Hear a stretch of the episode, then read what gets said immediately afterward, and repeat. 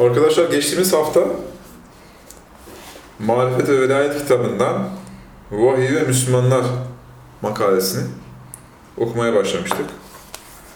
Vahiy ve Müslümanlar makalesinin birinci bölümünü tamamladık geçen hafta. Bu hafta kalan bölümünü okuyoruz. Araştırmacı, araştırmacı yazar Bahattin Sağlam hocamızla beraberiz. Hoş geldiniz hocam. Hoş bulduk. Geçen haftadan kaldığımız yerden devam ediyorum hocam. Devam edelim. Vahiy ve Müslümanların ilişkisi. Evet. İslam aleminde bu şeytanların iddialarını anlayan iki zat çıktı. Samimi olarak cevap vermeye çalıştılar. Muhammed Esed ve Mustafa İslamoğlu Hoca. Muhammed Esed mealiyle ilgili çok şey yazıldı, yayınlandı. Ben şimdi o meseleye girmeyeceğim. Fakat İslamoğlu Hoca'nın mealiyle ilgili kısa bir not yazmak istiyorum. Hoca, büyük bir iman ve aşk ile 20 sene emek vererek güzel ve faydalı bir ürün ortaya çıkardı. Fakat bu çalışma 5000 ilmi zaaf içerdiğinden o güzelim kitap kaynak olma makamında propaganda kitabı seviyesine düşüyor. Hocanın bu ilmi zaafları üç kategoride çerçevelenebilir. A. Hocanın ya acelecilikten veya tam anlamadığından eski engin kaynaklardan iktibas ettiği bilgilerin %90'ı ya eksiktir veya yanlış aktarılmıştır. B. Dil ve gramer yetersizliğinden çok yanlış çeviriler var. C. İlmi usuller ve tercüme teknikleri gibi disiplinlere uyulmadığından yüzlerce ayet siyasi sloganlar tarzında çevrilmiştir.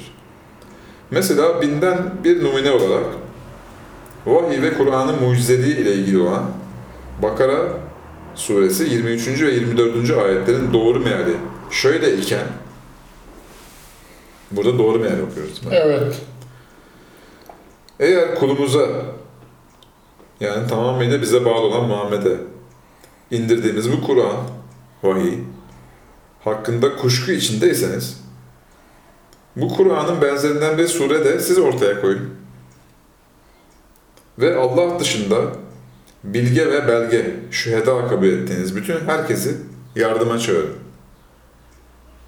Eğer biz de böyle şeyler söyleyebiliriz olan sözünüzde doğru iseniz. Eğer bu Kur'an'a benzer bir sure yapamazsanız, ki kesinlikle yapamayacaksınız, yakıtı insanlar ve taşlar olan, özellikle kafirler için hazırlanan bir ateşten kendinizi kurtarmaya, korumaya çalışın. Bakın mana ve gramer açısından bu iki ayetin meali bu iken, hoca bu iki ayeti şöyle çevirmiştir. Eğer siz kulumuza indirdik, indirdiklerimize dair bir kuşku taşıyorsanız, haydi hemen benzeri bir sure getiriniz. Ve eğer sözünüze sadıksanız, Allah dışındaki tanıdıklarınızı da yardıma çağırınız.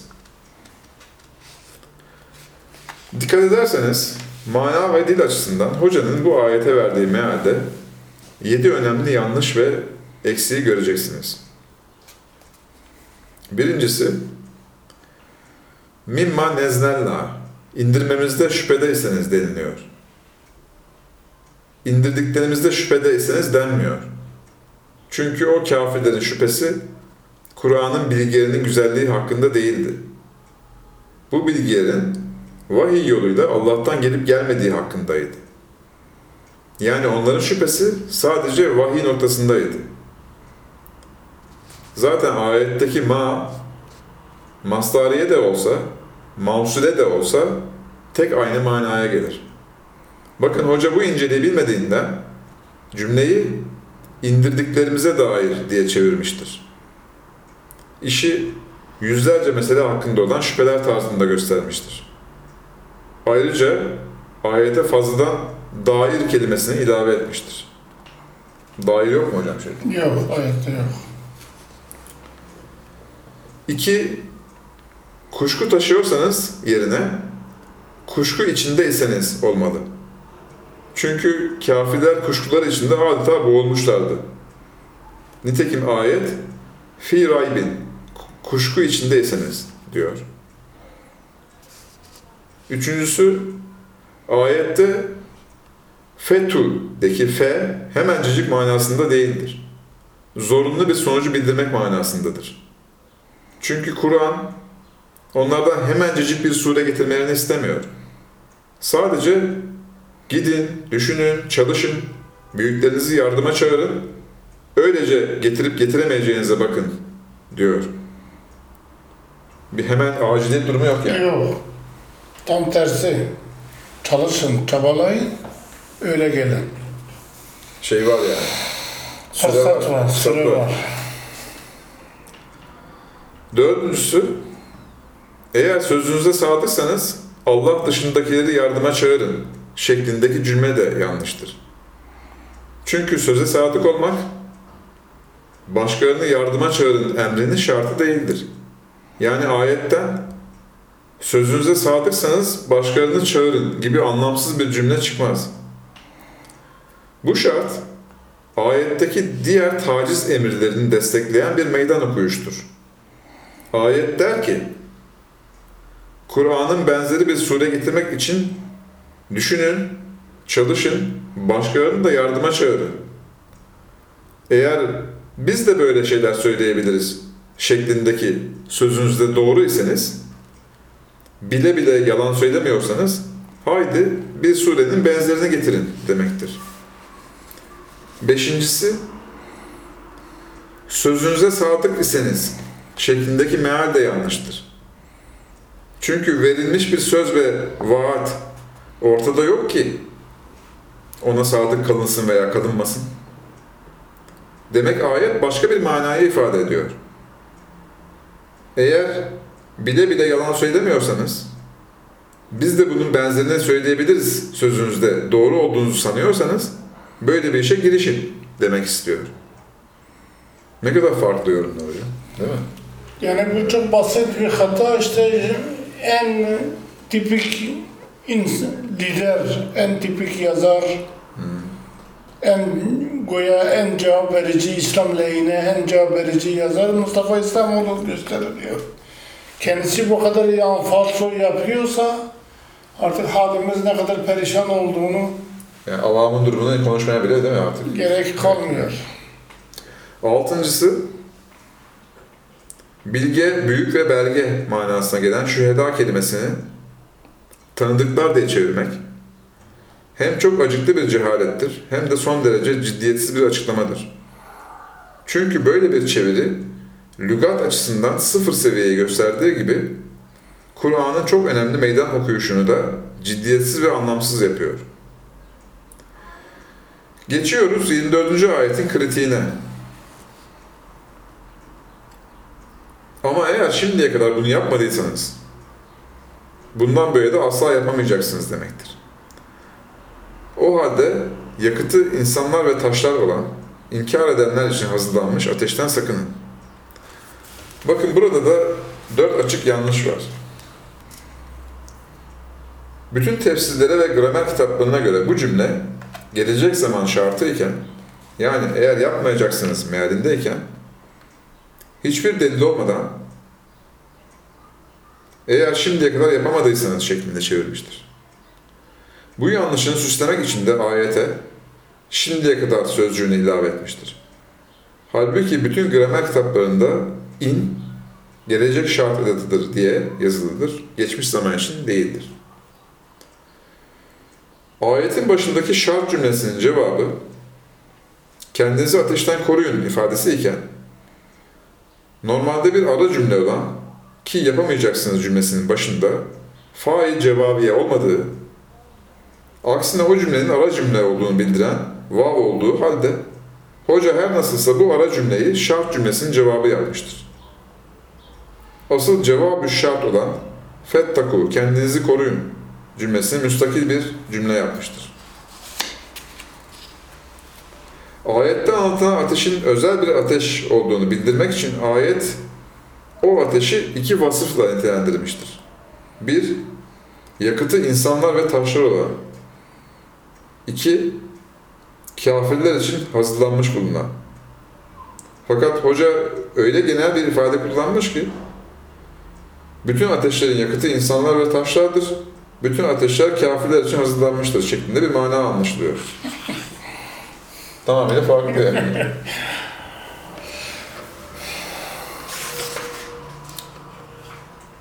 D'ye geçiyorum hocam. Evet. Ee, dört açık yanlıştan A, B, C'yi okuduk. D'ye geçiyorum. Sakının emri bir tehdit ve uyarıdır. Kafirlerin kurtuluşları için yapılmış bir e, tavsiye değildir. Hoca ise emir kipindeki tahkir ve taciz manasını göremediği için verdiği yüzeysel mealinde Kur'an'a ve dine karşı gelenlerin başka vesilelerle ateşten sakınabilecekleri anlaşılıyor diye söyleyebiliyor. Bütün bu numunelerden anlaşılan bugünkü İslam aleminde sağlıklı, gerçekçi ilmi bir seviyenin var olmadığıdır. Hatta değil ilmi bir seviye, yanlış ile doğruyu, hurafe ile gerçeği birbirinden ayırt etmek demek olan mümeyyizlik seviyesi bile yoktur. Bilindiği gibi İslami terbiye literatüründe çocuğun 7 yaşına basmasına mümeyyizlik, 15 yaşını bitirmesine bulu yani ergenlik, 18 veya 25 yaşından sonraki döneme reşitlik denilir. Bütün bu epistemolojik iflasa rağmen insanların çoğu yine dindarlara sarılıyor.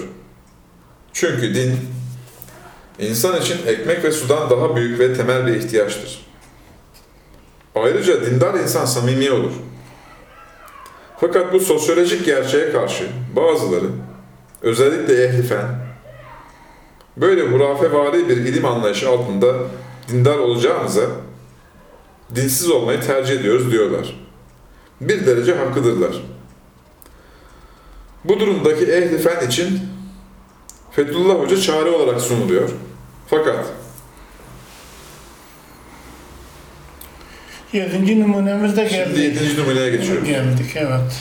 Geçen hafta okumuştuk altı numuneyi. Bu hafta Şimdi onun devamı. Yedinci ve son numune. Fakat Bediüzzaman 100 yıldır bütün gücüyle bağırarak dinin hiçbir meselesi, müsbet ilimlerin hiçbir meselesiyle çelişmez. Yeter ki dil ve üslup kuralları çerçevesinde o meselenin doğru manası bilinsin diyor. Şimdi onun varisi olduğunu iddia eden Fethullah Hoca, hadis ekolünden geldiğinden ve sağlıklı bir fen eğitimi görmediğinden, ayrıca bütün enerjisini cemaatin tanzimi işinde kullandığından, bilimle çelişen yüzlerce makale, kitap ve kaset çıkarttı. Milyonların zihnine kelepçe vurdu. İşin kötü tarafı, Hoca Efendi'nin bütün yazdıkları yüzde yüz bilim ile mutabıktır diye dünya medyasında propagandalar yapılıyor. bir de ayrıca bir sıkıntı. Evet hocam. Yani hoca ilimle hizmet edeceğine kalktı siyasetle, darbeyle hizmet etti. Başımıza sorun açtı. Bir sürü mağdur Müslüman ortaya çıktı. Yani burada iyi niyetli bir girişim e, Var ama var başlangıçta ama elim, sonra elim olmayınca işte mümeyyizlik bile yok maalesef. 180 derece tersine. Döndü. Şimdi bu bireysel numuneleri bırakıp İslam aleminin genel ilmi seviyesini görmek için Kur'an'dan kısa bir surenin tefsirini ve bu sureyle ilgili tefsirlerdeki özellikle yeni yazılan iddialı meallerdeki bilgileri beraber müzakere edelim.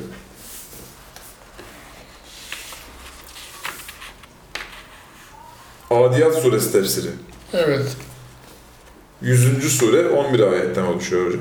Evet.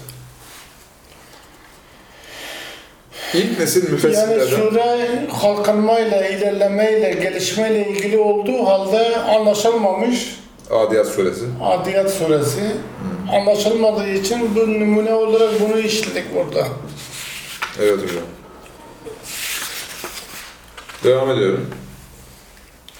İlk nesil müfessirlerden İbn Mesud, Cabir İbn Zeyd, Ata ve Hasan'a göre bu sure Mekke'de vahyin birinci veya ikinci yılında nazil olmuştur. Tefsir çalışmalarına çok ağırlık veren Mustafa İslamoğlu hocamız da bu görüşü tercih ediyor.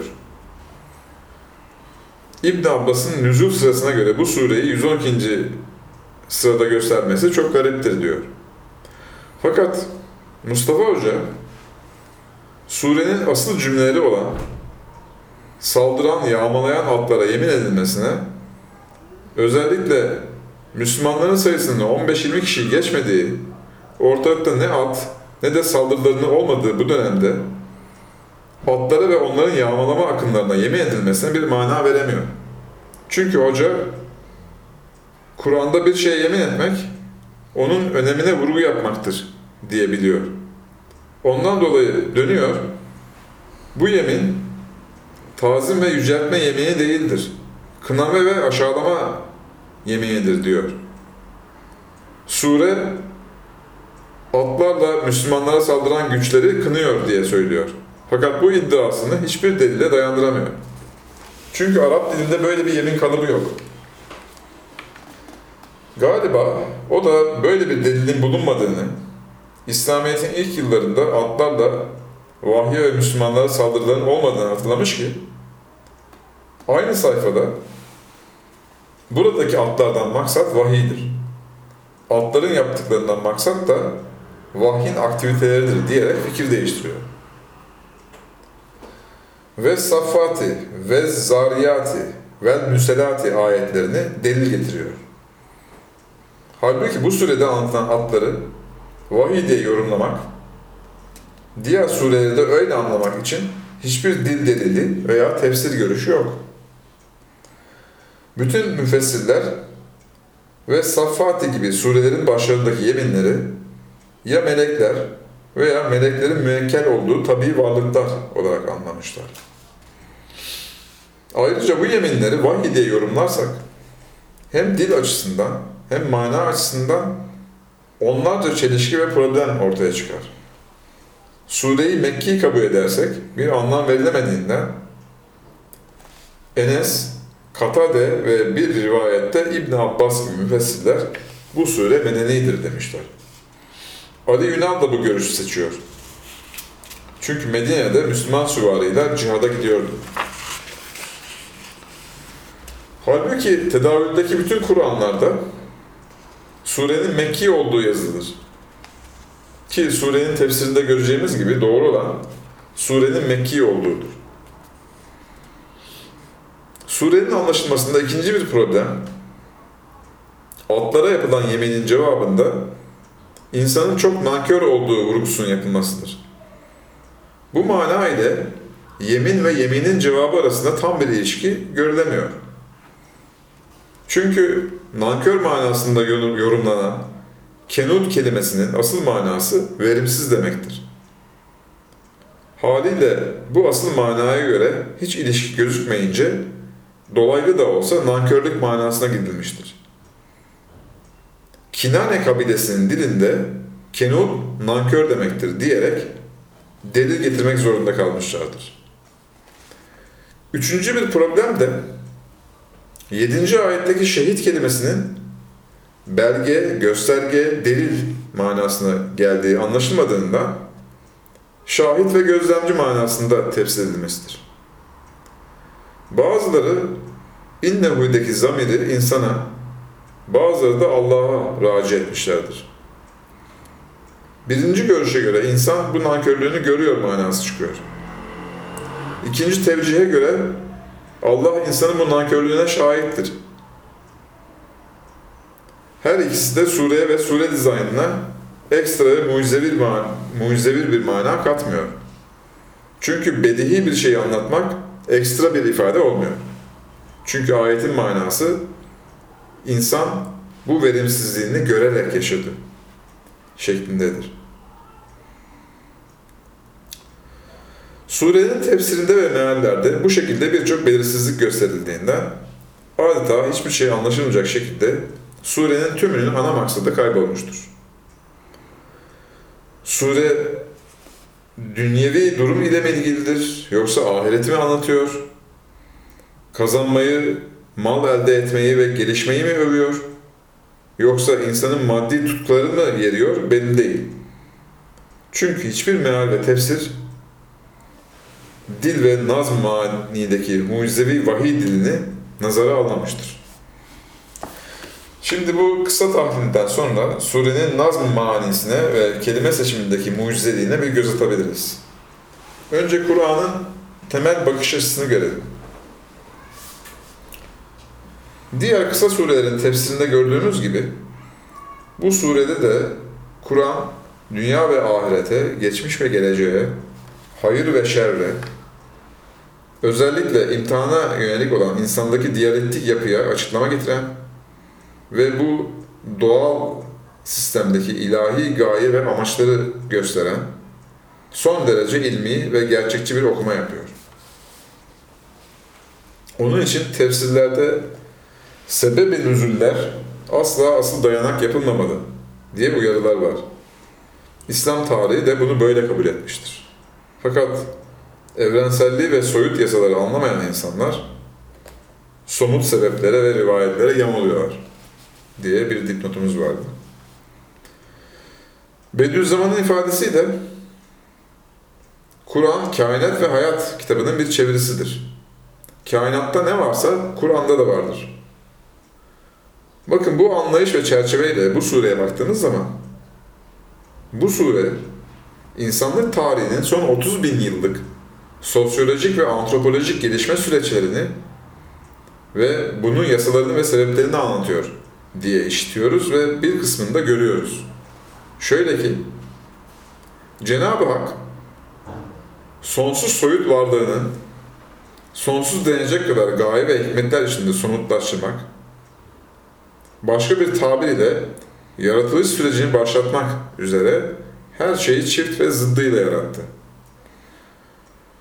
Bu zıt çiftleri çalıştırıp, birleştirip, yaratılış sürecini gayet manalı bir film ve gayet münbit bir tarla ve son derece ürünler veren bir tesis şeklinde yürütüyor. Bu sürecin en verimli kesiti insanlığın özellikle son 30 bin yıllık dönemidir.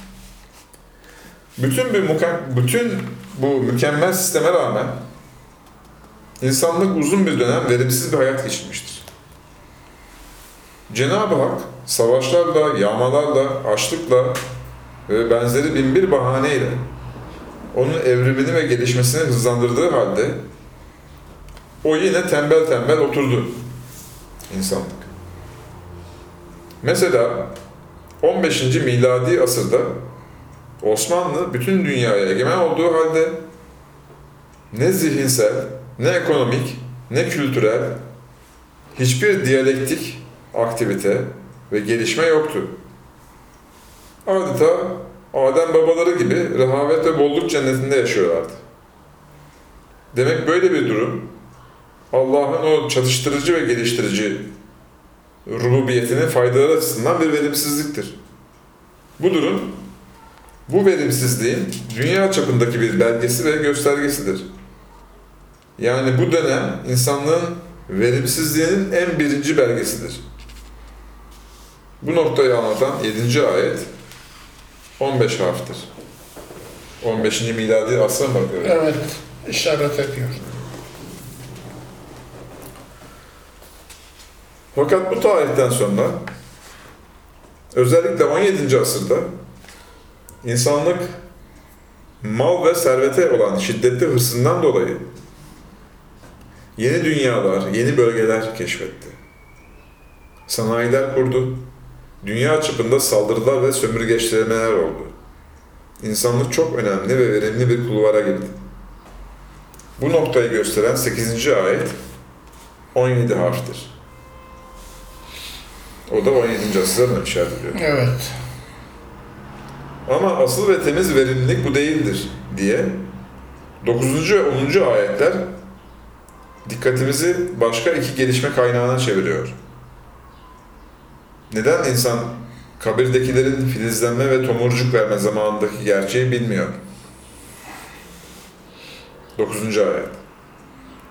Yani asıl gelişme ve asıl verimlilik insanlığın biyolojik kanunları.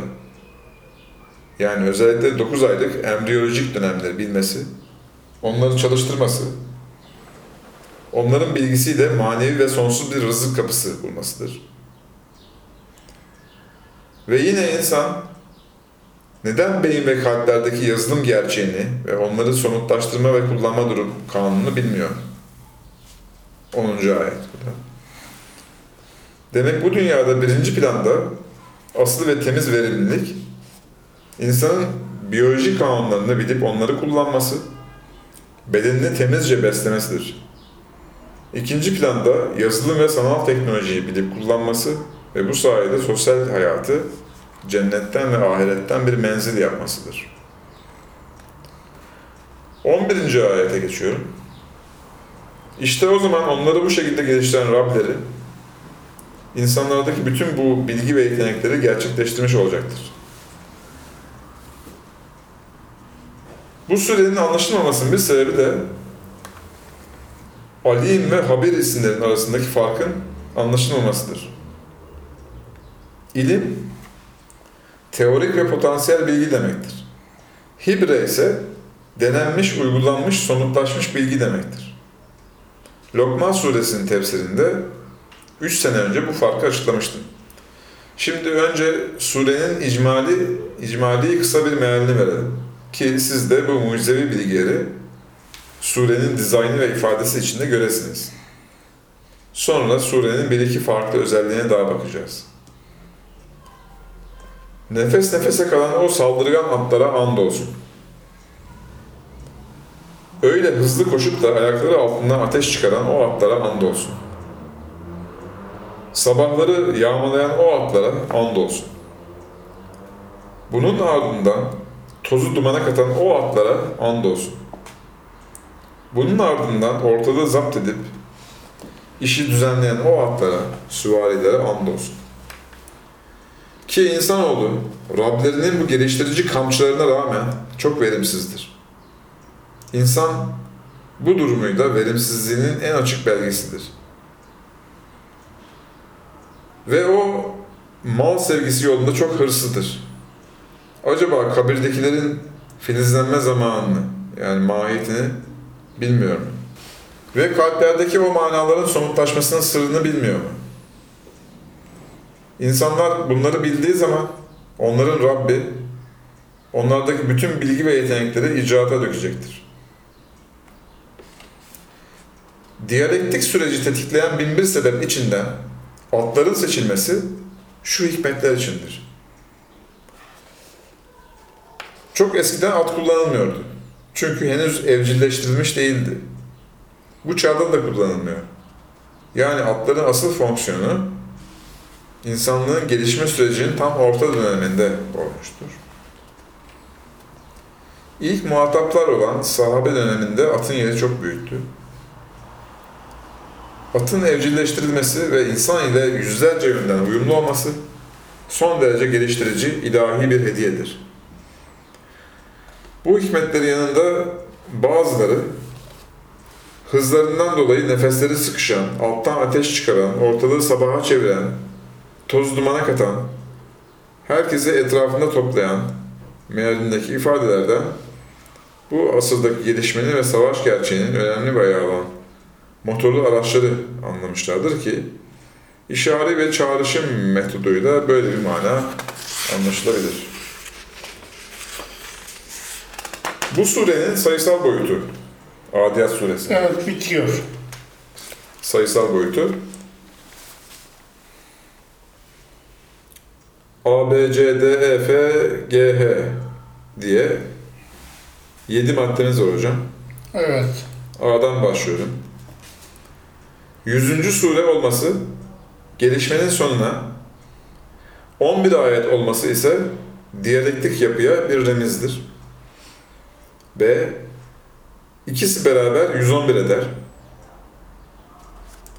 Kur'an'da birinci manaları ile insanlığın sosyal gelişmesini anlatan 111 ayetlik Yusuf ve İsra surelerine ince bir atıftır. Bu iki sure üzerine yazdığımız tefsirlere bakabilirsiniz. C. Rububiyet başta insan olmak üzere varlıkları ikili yapıyla geliştirmek demektir. Bu surede de iki adet Rab kelimesi geçiyor. Biri verimsizlik dönemini anlatıyor, diğeri verimlilik dönemini gösteriyor. Kelimenin sayısal değeri 202'dir. D. Surenin ilk üç ayetinin her birisi 13 harftir. Toplam 39 eder. Bu sayılar ise ilahi ekstra irade ile gelen musibetlerin sembolüdür. Evet, saldırı ve yağma kötüdür. Allah asla böyle şeyleri övmez. Fakat bu gibi kamçıları insanın gelişmesi için bazen bilerek gönderiyor. Yani asıl olan savaş ve musibeti olmaması değildir. Asıl olan nihai manada adaletin, hukuk ve dengenin gerçekleşmesidir. E, dördüncü ve beşinci ayetlerin her birisi 11 harftir. Dördüncü ayet kaosu, beşinci ayet düzeni anlatır. Yani kozmosu anlatır. F'ye geçiyorum. Biyolojik kanunların bilinmesinden söz eden 9. ayetin sayısal değeri 2094'tür. Soru ve nefi edatı sayılmazsa. İnşallah bu tarihte insan biyolojik dil sayesinde dinini de dünyasını da bilecektir. G 11. ayet tenvin, şeddeler, ayet numarası ve harf sayılarıyla beraber 2096 ediyor. Pratize etme ve icraat için bütün araçların kullanılacağına bir imadır. Bu son ayetin açık harfleri ise 19 adettir. Bu da başlı başına yazılı ve kader kültürünün bir zirve şifresidir. Ve H sonuncu madde, surenin bütün harfleri ise 150 adettir. Miladi 15. ve Hicri 15. asrın sonlarının bu gelişmede önemli iki dönemeç olacağını müjdeliyor. Haliyle maddi yönden. Evet insanlık maddi yönden verimli olunca manevi yönden bazen kaybeder. 19. ve 20. asırda olduğu gibi.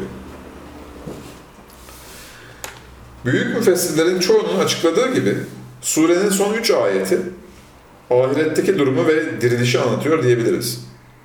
O zaman surenin ayetlerini ve nazmının manası şöyle olur. Cenab-ı Hak zıtları çatıştırarak dünyayı bir meydan imtihan ve gelişme alanı yapmıştır. Bununla beraber uzun bir dönem önemli bir gelişme olmadı. Ta son 3 asra özellikle 19. ve 20. asra gelince adeta dünyanın yepyeni bir aleme dönüşmesi gibi bir gelişme oldu. Demek sizi gelişmek için imtihana tabi tutan ve o verimsiz çağlardan böyle harika bir çağı ortaya çıkaran, yani varlık ve hayat sürecini gelişme kanununa tabi tutan bir ilim ve kudret, bugünkü dünyadan da ahiret alemini inkişaf ettirecektir. O zaman kabirlerdekilerin canlanmasını, bütün soyut düşünce ve niyetlerin somutlaştığını göreceksiniz. Rabbiniz olan Allah, fıtratınızdaki bütün yazılım ve yetenekleri o gün inkişaf ettirecektir. Onları maddi, somut hale getirecektir. Ahiret, dünya hayatının bir inkişafıdır. Bilgisi gerçekleşecektir. Dokuzuncu söz. Buna göre izah edatını mef'ul fih olarak kabul ederiz.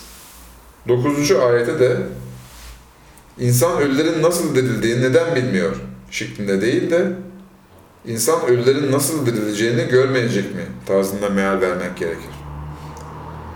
Burada açıklama ve tefsire son vermekle kapıyı kapatmıyorum. Çünkü Kur'an sonsuz ilahi ilmin ifadesidir. İnsanın sonlu zihni ise sonsuzluk kuşatamaz. Sadece ondan midesi kadar istifade eder. Demek İslam alemi Kur'an'a tam muhatap olsa, yanlışlıkla dine mal edilen şüpheli, hurafeli bilgilerden sıyrılabilse, güvenilir temel bilgileri kendilerine anayasa yapsa, insanlık son derece verimli bir çağa girer.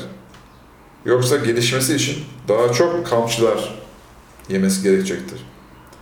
Cenab-ı Hak hepimize bütünlük, bilimsellik, soyut ve sonsuz bir anlayış nasip etsin. Bizi sorun üreten bir toplum olmaktan, sorun çözen bir ümmet seviyesine çıkarsın. Amin. Burada bitti hocam. Evet. Vahiy ve Müslümanlar. Bunun üzerinde yapacağınız bir yorum var mı? Yok işte önce. derdimizi anlatmışız. Yeteri kadar Mevcut der- durumu. mevcut durumu izah ediliyor. Müslümanlar Kur'an'ı bilmiyor, bilimi bilmiyor. Yani Kur'an kainatın açıklamasıdır. Kainatı bilmeyen Kur'an'ı da bilemez. Onun için önce müsbet ilim, sonra Kur'an diyoruz. Önce müsbet ilimle yasalar da olacak. Önce kainat bilinecek ki Kur'an bilinsin. Çünkü Kur'an'la bizim aramızda çok engeller girdi. Fakat müsbet ilimle kainat arasında engel yok. Herkes istediği zaman onu Deneyebilir, okuyabilir, okuyabilir. deneyebilir, okuyabilir, öğrenebilir. Hocam çok teşekkür Ben ederiz. teşekkür ederim. Arkadaşlar Vahiy ve Müslümanlar makalesinin kalanını, geçen hafta bir bölümünü okumuştuk. Kalan kısmını bu hafta tamamladık. Haftaya görüşmek üzere. İzlediğiniz için teşekkür ederiz.